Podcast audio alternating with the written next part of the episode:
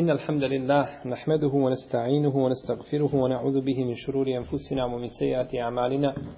من يهده الله فهو المهتدي ومن يضلل فأولئك هم الخاسرون. وأشهد أن لا إله إلا الله وحده لا شريك له. وأشهد أن محمدا عبده ونبيه ورسوله وصفيه من خلقه وخليله. اللهم اجزه عنا خير ما جزيت نبينا عن أمته ورسولا عن دعوته ورسالته. وصل اللهم وزد وبارك عليه وعلى آله وأصحابه وأتباعه وعلى كل من اهتدى بهديه واستنى بسنته واقتفى أثره إلى يوم الدين. أما بعد فإن أحسن الكلام كلام الله وخير الهدي هدي محمد صلى الله عليه وسلم وشر الأمور محدثاتها وكل محدثة بدعة وكل بدعة ضلالة وكل ضلالة في النار. أما بعد مرة أخرى Mi smo u našem zadnjem predavanju najavili da ćemo početi sa jednim novim poglavljem, a to je babul istitabe. Poglavlje čišćenja ili uklanjanja neprijatnosti nakon obavljene velike ili male nužde. To je poglavlje babul istitabe, jer je taharet bio sve prije toga uzimanje abdesta. I ovo spada u taharet, no međutim ima posebnu cijelinu koja se zove jeli, elistitabe. Pa se odnosi znači na čišćenje nakon nužde. Pa smo kazali da je ovdje autor spomenuo koliko hadisa? Šest hadisa. Da je spomenuo šest hadisa u ome poglavlju o kojima ćemo mi inša Allah govoriti. Prvi hadis je hadis koji prenosi Enes ibn Malik, radijallahu anhu, u kome kaže da je poslanik sallallahu alaihi wasallame kada bi ulazio u klozet govorio Allahumme inni e'udhu bike min al wal khaba'ith Gospodaru moj ja od tebe utočište tražim od el khubth wal khaba'ith kaže autor A ko je autor? Abdul Gani el-Makdisi. Kaže, el-Hubth je množina riječi habis. A el-Habais je množina riječi habise. A to se odnosi na šeitane, odnosno na džine, koji su, jeli, muškog i ženskog pola. Znači, da se utočište, utočište traži i od jedne i od druge, znači, skupine džina, bilo da se radi o muškim ili ženskim džinima i šeitanima.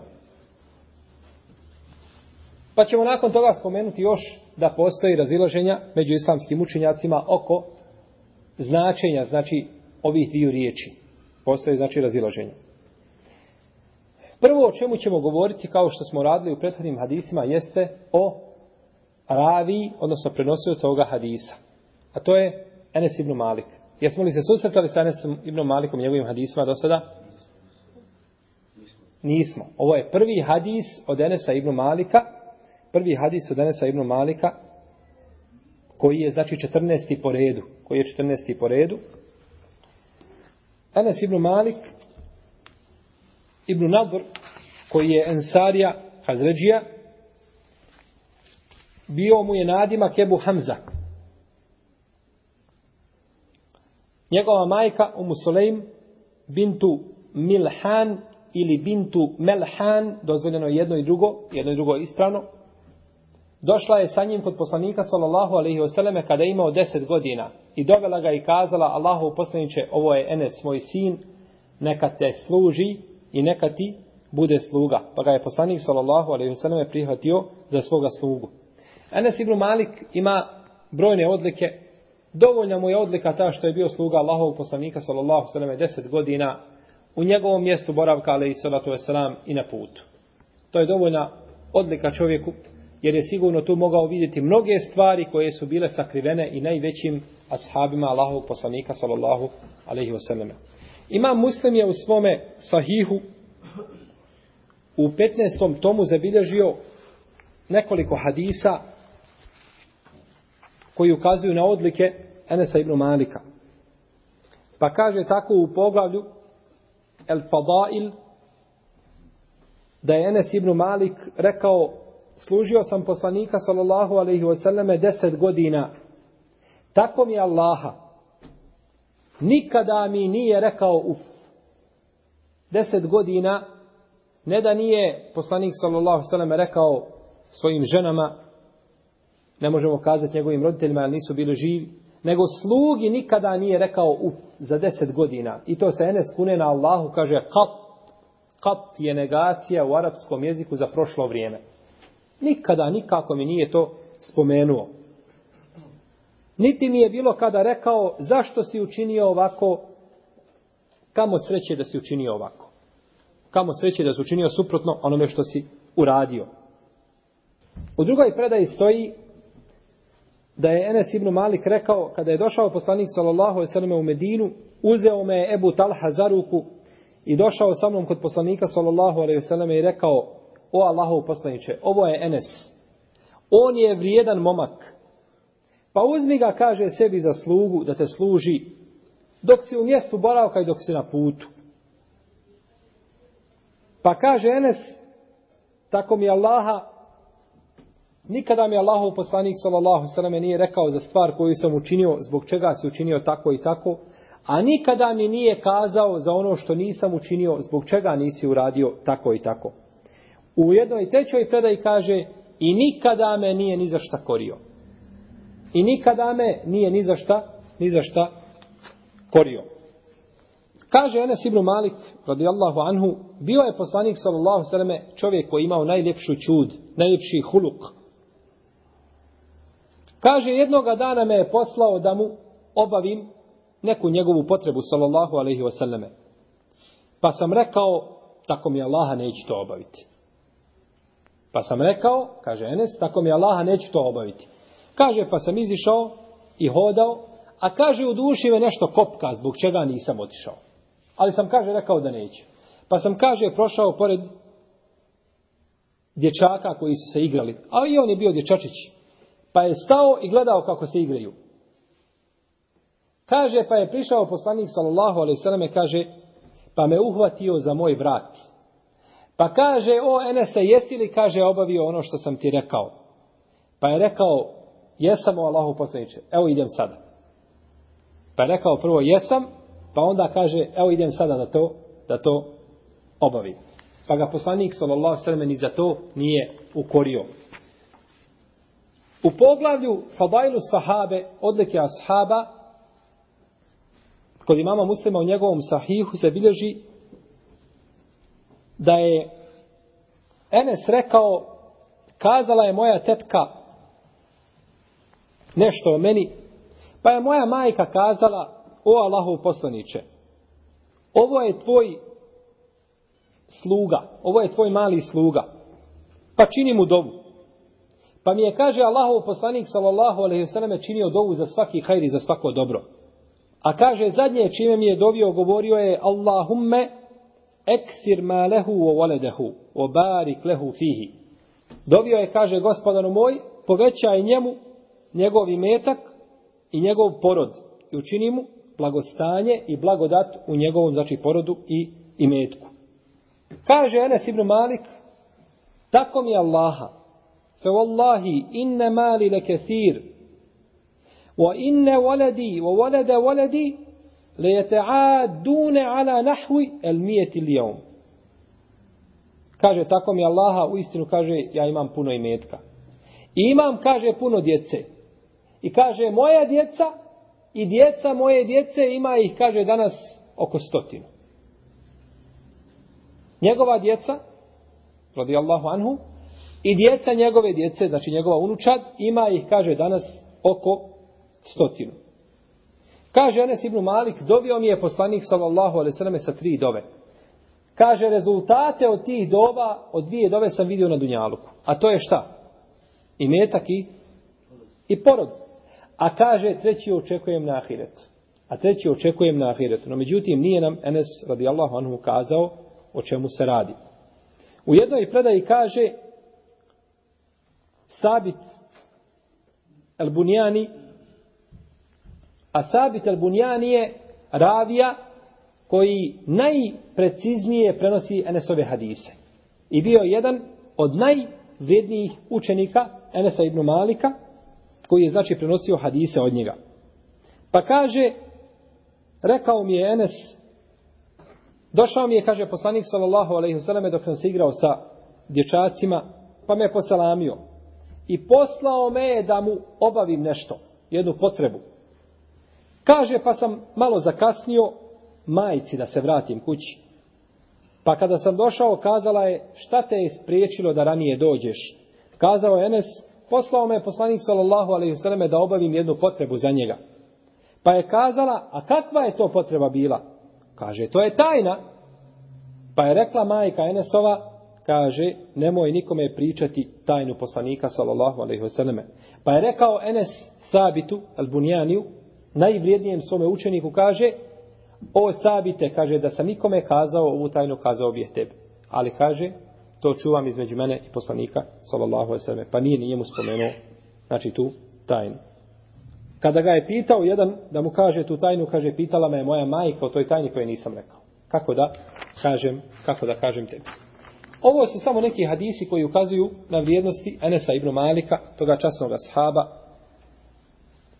koji je znači bio sluga poslanika sallallahu sallam i tragovi dove Allahovog poslanika su se jasno vidjeli znači u njegovom imetku i u njegovom porodu.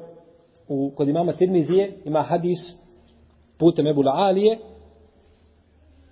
da je poslanik sallallahu znači njemu dovio i da je Enes imao jedan vrt koji je davao duple plodove godišnje. Ne mislim duple, nego dva puta je davao plodove godišnje. Dok su drugi vrtovi davali jedna, jedan plod, njegovi vrtovi su davali dva puta plodove, znači u godini dana. I kaže se da mu je rođeno 80 muške djece uzastopno, od toga samo dvije curice. Hafsa i Umu Amr, a sve drugo da su bili dječaci. Sve drugo da su bili dječaci.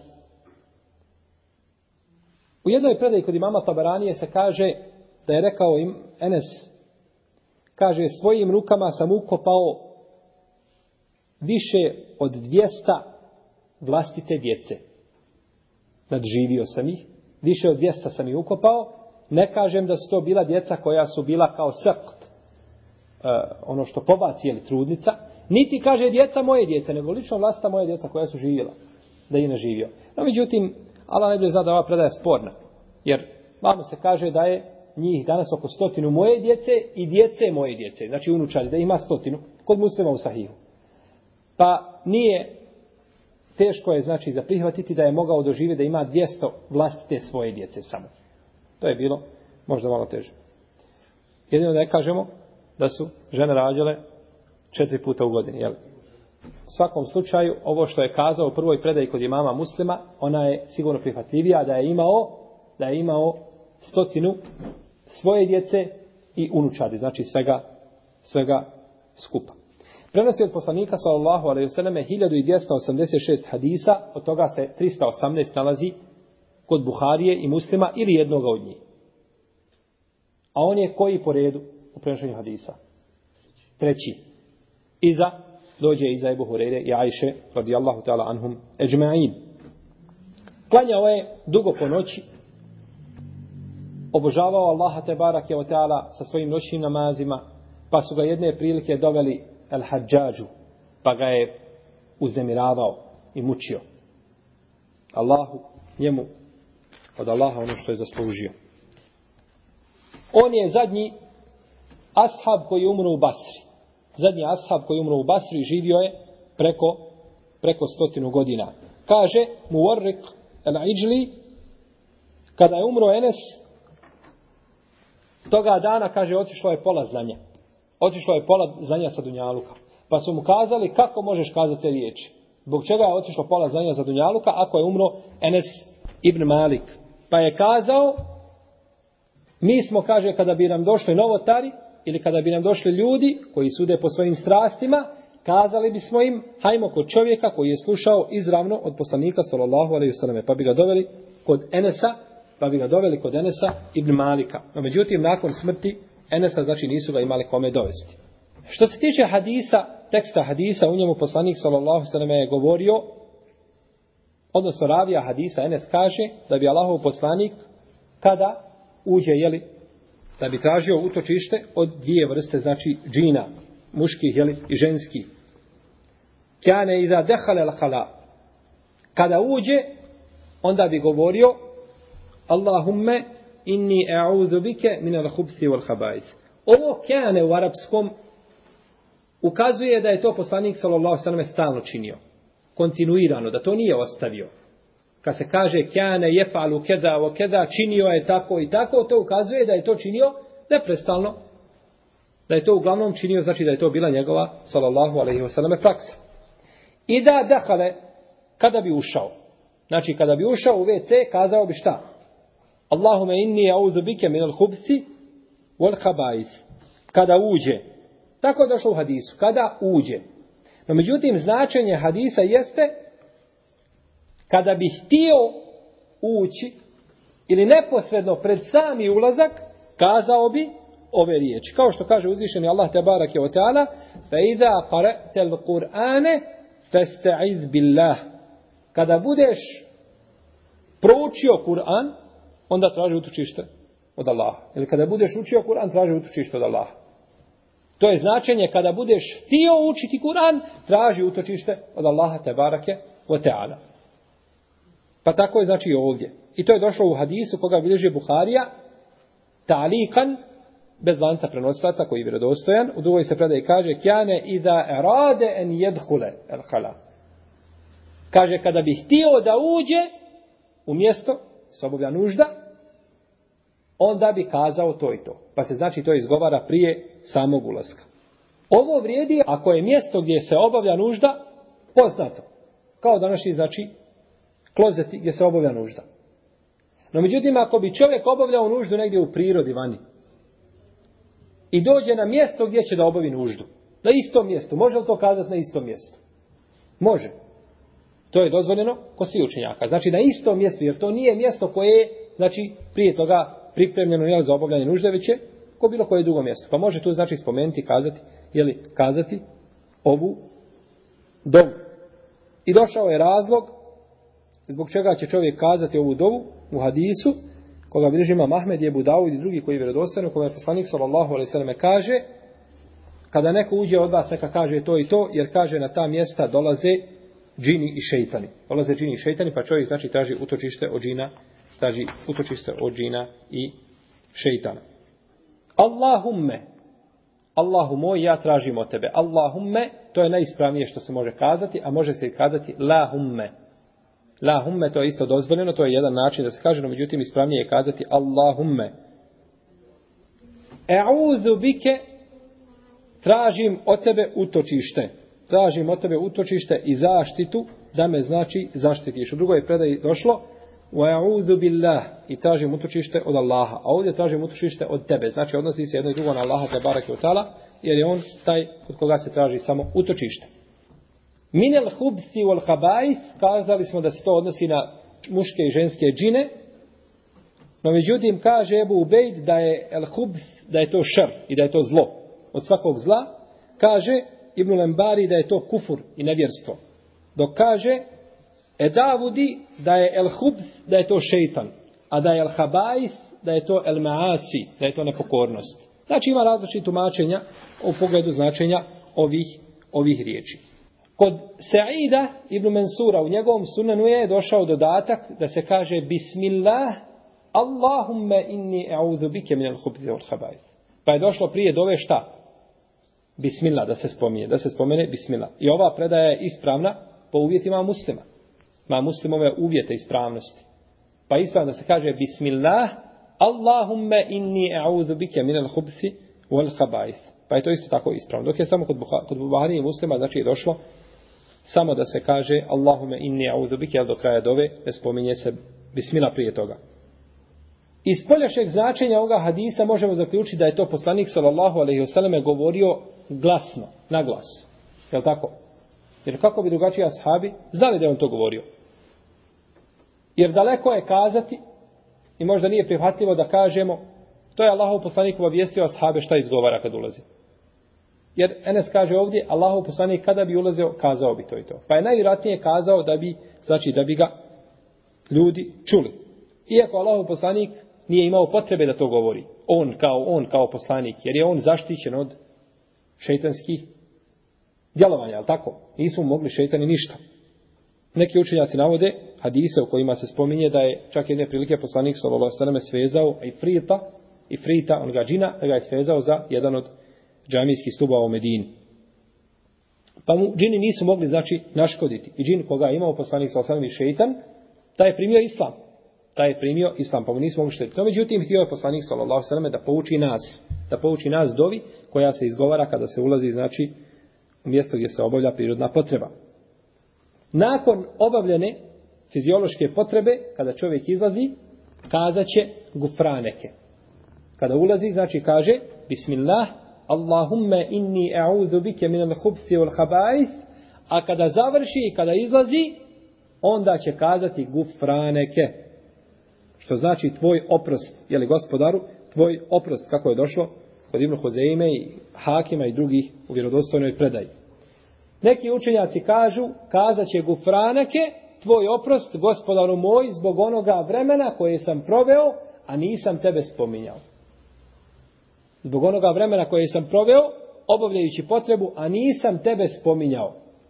No, međutim, neki učenjaci se opet opirali i protivili ovome mišljenju, kažu, čovjek obavljanje fiziološke potrebe obaveza, jer čovjek, čovjek to mora činiti, ne čini on to svojom voljom, Allah ga je Đelšanu tako stvorio, pa ne mora tražiti, znači, oprosta za ono za što on nije pogriješio. Jer ga Allah te barek tala stvorio u tom halu. Kao što bi onda žena morala tražiti oprosta, ili kada se nalazi u mjesečnom ciklusu i slično tome. Allah je to propisao čerkama Ademovim, kako je rekao poslanik, sallallahu alaihi wasallam. U svakom slučaju, čovjek treba kazati kufranek je bilo iz ovoga ili onoga razloga, znači treba kazati ono što je govorio Allahov poslanik, sallallahu alaihi wasallam. To je znači kada se ulazi i kada se izlazi. Kada bi čovjek ušao i zaboravio kazati, šta će uraditi? Islamski učenjaci se ovdje spore. Ibn Abbas kaže i drugi da neće tada spominjati ništa, dok Ibn Omer ima malih i drugi kažu hoće neka tada spomene, znači kada već uđe. Jer se inače vodi spor među učenjacima, da li je dozvoljeno unutra kada se već uđe spominjati ovu dovu i Allahu te barek tala ima. Jedan dio uleme to dozvolio, no međutim preče je to ne spominjati, preče je to ne spominjati jer ime uzvišenog Allaha te barek tala treba da spominje samo na čistim mjestima. Ovo je bio hadis Enesa ibn Malika u kome je samo spomenuta znači dova koja je vezana za ulazak znači u klozet ili mjesto ili gdje se obavlja prirodna potreba. Drugi hadis koji dolazi nakon hadisa koga prenosi Enes je hadis koga prenosi Ebu Ejub El Ensari radijallahu anhu u kome kaže rekao je poslanik sallallahu alaihi wasallame Iza etejtumul gajita fela testakbilu l'qiblete bi gajitin wala bi beulin wala testedbiruha walakin šarriku wa garribu kada dođete kaže da obavlja od vas neku prirodnu potrebu nemojte se okretati obavljajući malu ili veliku prirodnu potrebu prema kjabi s prednjim dijelom tijela, niti sa zadnjim. Već se kaže okrenite prema istoku ili prema, ili prema zapadu. Kaže Ebu Ejub Ensari, mi smo, kaže, došli u Šam, pa smo vidjeli, kaže, da su klozeti u Šamu građeni prema Kjabi. U pravcu Kjabe. Pa smo se, kaže, okretali u jednu stranu i kaže, tražili smo od Allaha te barake od tala oprosta. Ebu Ejub el Ensari, ashab, Khalid ibn Zaid, al-Hazređi, jedan od onih sedamdeset koji su dali prisegu poslaniku, sallallahu alaihi sallam, na drugoj akabi. Bio je na bedru i kada je došao poslanik, sallallahu alaihi sallam, odsjeo je kod njega. Odsjeo je kod Ebu Ejuba. Pa je poslanik sallallahu alejhi ve selleme bio na donjem spratu, a Ebu Ejub na gornjem. Pa je Ebu Ejub kazao Allahov poslanice, ja ne mogu sebi dozvoliti da ti budeš ispod mene. Ne mogu dozvoliti sebi, pređi ti na gornji sprat, a mi ćemo biti dole. Pa je poslanik sallallahu alejhi ve rekao: O Ebu Ejube, meni je lakše da budem na donjem spratu i lakše onima koji meni dolaze u posjetu da mi uđu tu nego da mi dolaze gore. Pa je Ebu Ejub otišao da spava gore. Pa je jedno večer čuo Allahovog poslanika i njegov glas, pa nije htio spavati cijelo veče, nisu sebi ni on ni njegova žena dozvolili da spavaju iza Allahovog poslanika, a on ne spava. Pa nisu htjeli spavati nikako to veče. Pa drugo veče su imali jednu posudu vode, pa su je prosuli. Pa su uzeli jedan ogrtač, pa su počeli prikupljati tu vodu da ona ne procuri na Allahovog poslanika, sallallahu alaihi sallam. Pa su sišli i kazali Allahov poslaniće, mi ne možemo nikako dozvoliti sebi da budemo iza tebe, pa je naredio Allahu poslanik da se njegove stvari prenesu, znači na gornji sprat. Koliko je znači pazio Ebu Ejub al-Ansari radi Allahu anhu na poslanika, sallallahu alaihi wasallam. Poslanik, sallallahu alaihi wasallam, je pobratio između njega i Musaba ibn Umeira, a po drugoj predaji između njega i Talhe. Znači da su bili pobraćeni kada je poslanik, sallallahu alaihi wasallam, pobratio između muhađira i Ensarija. Bileži ibn Mardavoj od Aisha radijallahu ta'ala anha, kaže kada je bio hadisetulifk, kada je bila ona laž koja je iznesena i potvora na Aishu radijallahu ta'ala anha, da je žena Ebu Ejuba, Elensarija, koja se zove Ummu Ejub, upitala njega o Ebu Ejube, jesi li čuo ovo što ljudi pričaju? Čuješ li glasine koje se šire o Ajš? Pa je kazao istog momenta, subhanake hada buhtanu nazim. Gospodaru, slavljen neka si ti, ovo je očita laž. Odma istog momenta je to kazao. Pa je Allah te barak je otala objavio, Leula iz sami'atumuhu Kultum ma yakunu lana an natakallama bihadha subhanaka hada buhtanun azim. Kaže kada ste to čuli zbog čega niste kazali gospodaru naš nama ne doliči da mi o ovome pričamo i da ovako nešto spominjemo gospodaro naš ovo je očita laž i ovo je očita potvora. Pa je zbog njega znači objavljen ajet u suri An-Nur u kome Allah te barake od tala očistio majku svih vjernika. Prenosi od poslanika sallallahu alejhi ve selleme Ebu Ejub al-Ansari prenosi 150 hadisa, od njih se sedam nalazi kod Buharije i Muslima ili jednoga od njih dvojice. Učestvovao je sa Alijom radijallahu ta'ala anha u svim bitkama nakon znači smrti. Bio je u Dimašku, živio jedno vrijeme u Dimašku. Borio se u redovima Jezida ibn Muavije za vrijeme Muavinog hilafeta dok nije umro nakon jedne bitke koju je predvodio Jezid ibn Muavija. Kaže se da je umro 50. hijđarske godine, neki kažu 52. a neki kažu 55. Znači postoji razilaženje oko godine njegove smrti. I dženazu mu je klanjao Jezid ibn Muavija. Jezid znači sin Muavin. Ovdje je rečeno El Gaib. El Gaib u arapskom jeziku je jedna udubina u zemlji. Blaga udubina u zemlji, jedno mjesto koje se ne vidi. Pa je ovdje znači simbolikom ukazano, znači jer su ljudi odlazili na takva mjesta da se sakriju. Pa ono što se vidi javno danas, da se staje po parkiralištima i pored cesta i da ljudi javno pokazuju svoje stidna mjesta, to je haram po islamu i to je veliki grijeh.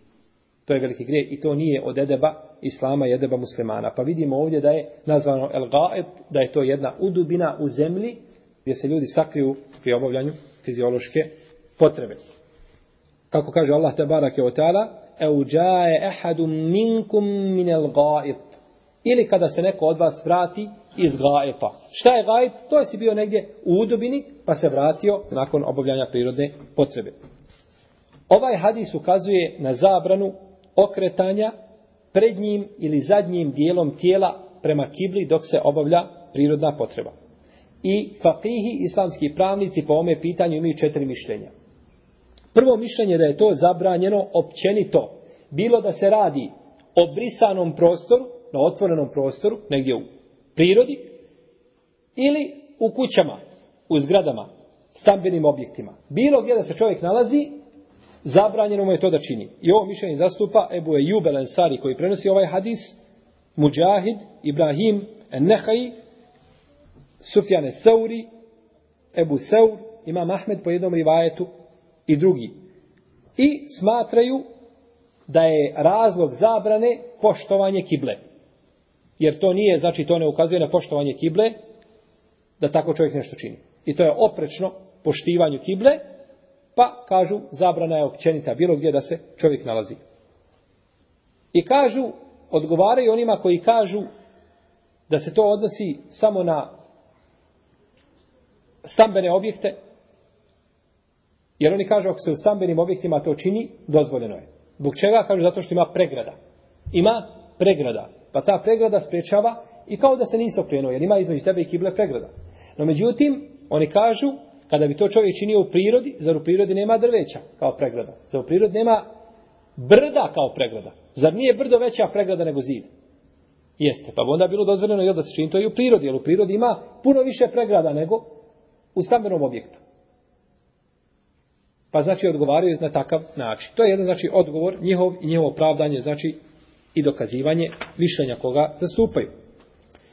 Drugi stav je da je to dozvoljeno općenito, uvijek. Svugdje je to dozvoljeno. Kažu to nije zabranjeno ni u kućama, ni u stambenim objektima, nijako to čovjek čini u prirodi. Dobro. Kako onda tumače ovaj hadis? Ko zna? Ovaj hadis sad jasno kaže, nemojte to činiti.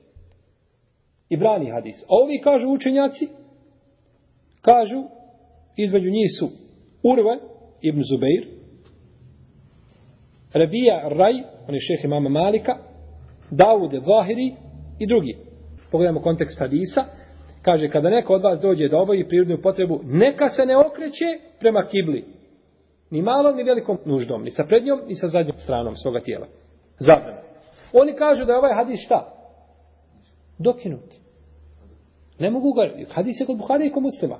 Moraš ga ili protumačiti metaforički, a to ne možeš, ili moraš kazati da je dokinut. Pa oni kažu da je ovaj hadis dokinut predajom u kojoj Džabir radijallahu anhu kaže zabranio je poslanik sallallahu alejhi ve selleme da se okrećemo sa prednjim ili sa zadnjim dijelom tijela prema kibli dok obavljamo prirodnu potrebu.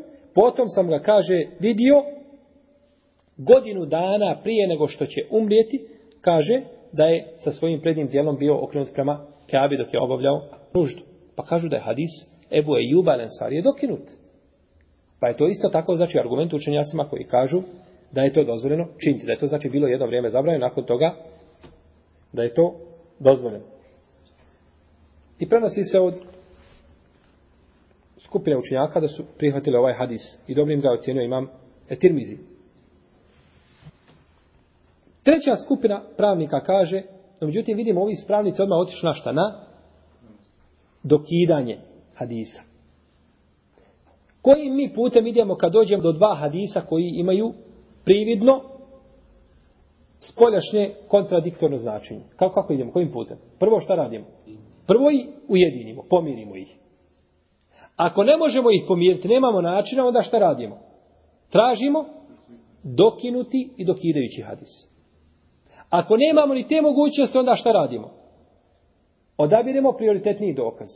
A ako nemamo ni te mogućnosti, onda kažemo zastajemo i ne radimo ništa sa ta dva hadisa, nego ne uzimamo ni jedan hadis, nećemo uzeti. To je više teoretski, toga u praksi nema. Nema toga da dva hadisa ne možeš niti pomiriti, niti odabrati jači argument, prioritetni, niti da ih naći, znači, dokinuti i dokidajući. Toga nema. To je više teoretski.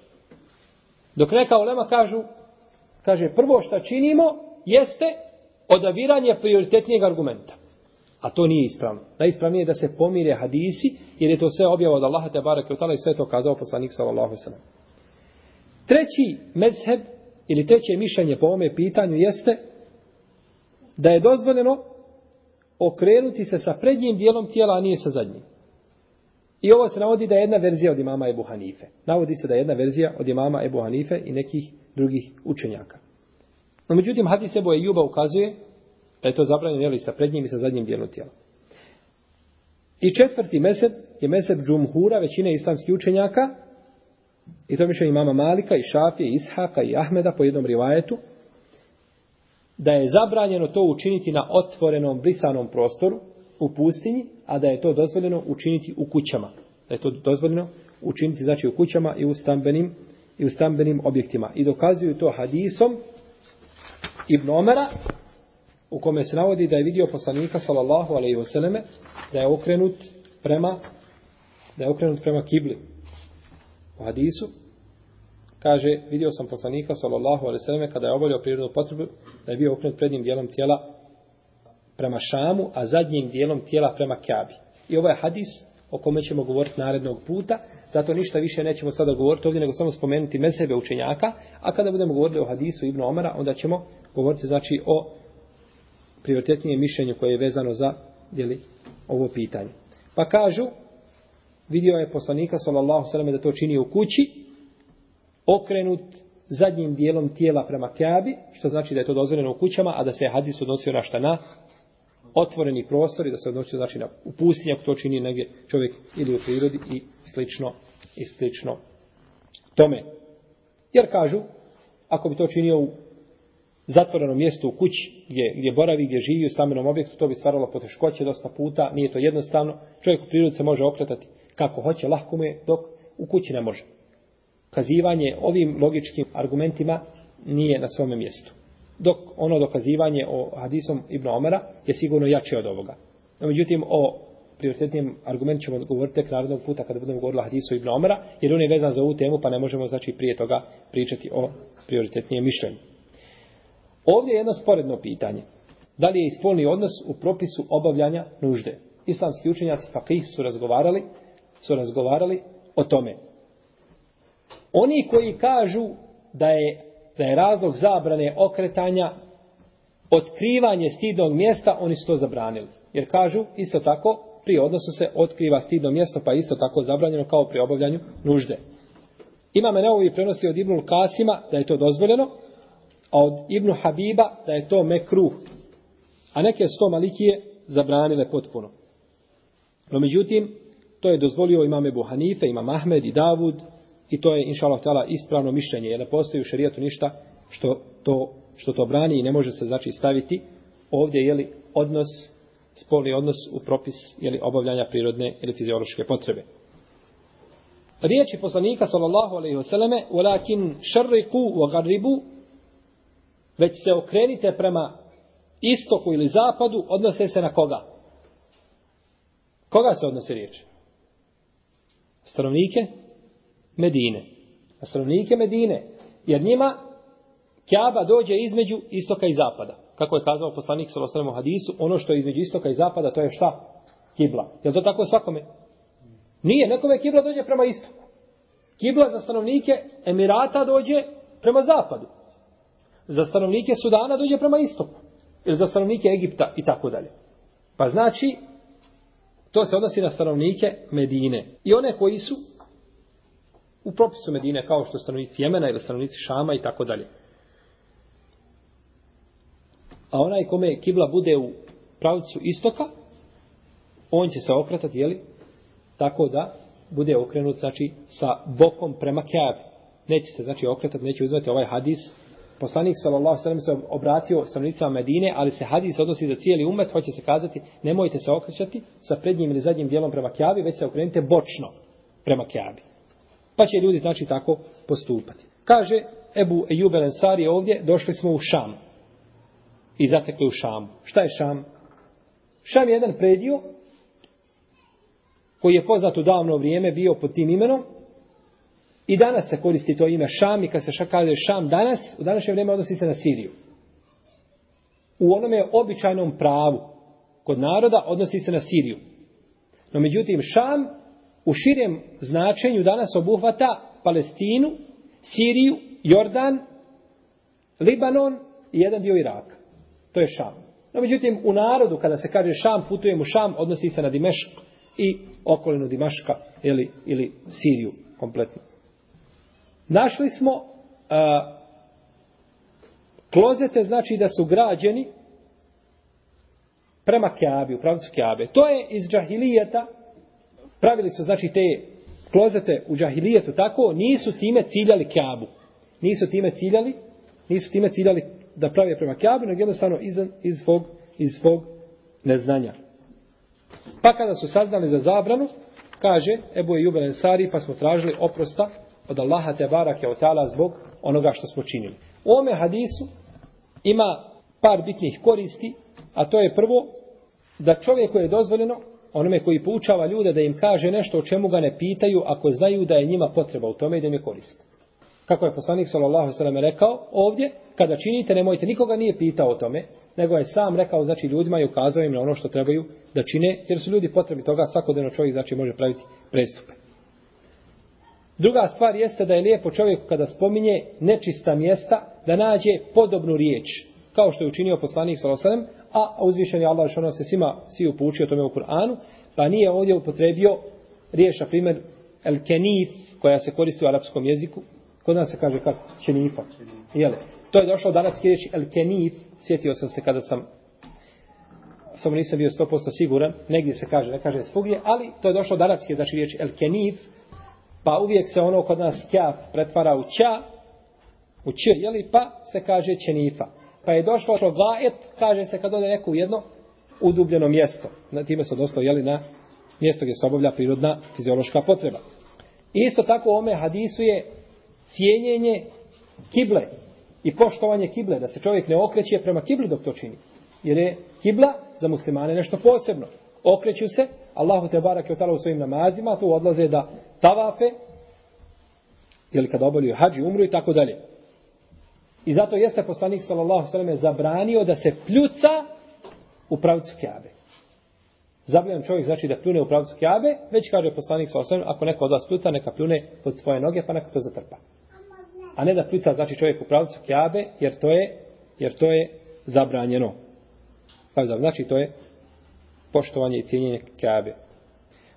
Ovo bi bio hadis Ebu Ejuba Ensarija u kome kaže da je poslanik sallallahu alejhi ve selleme rekao kada neko od vas dođe da obavi prirodnu potrebu neka ne okreće se prema kibli sa prednjim niti zadnjim dijelom tijela obavljajući malu i veliku nuždu već neka se okrene prema istoku ili prema zapadu pa ćemo inša Allah u nadnom predavanju nastaviti sa hadisom koga prenosi Abdullah ibn Omer u kome se navodi nešto suprotno ome hadisu koga smo spomenuli, pa ćemo nastojati da uskladimo ova mišljenja i da odaberemo prioritetnije mišljenje po ome pitanju. Allahu Teala alem, sallallahu ala nabina Muhammed, wa ala alihi wa ashabi ajma'in.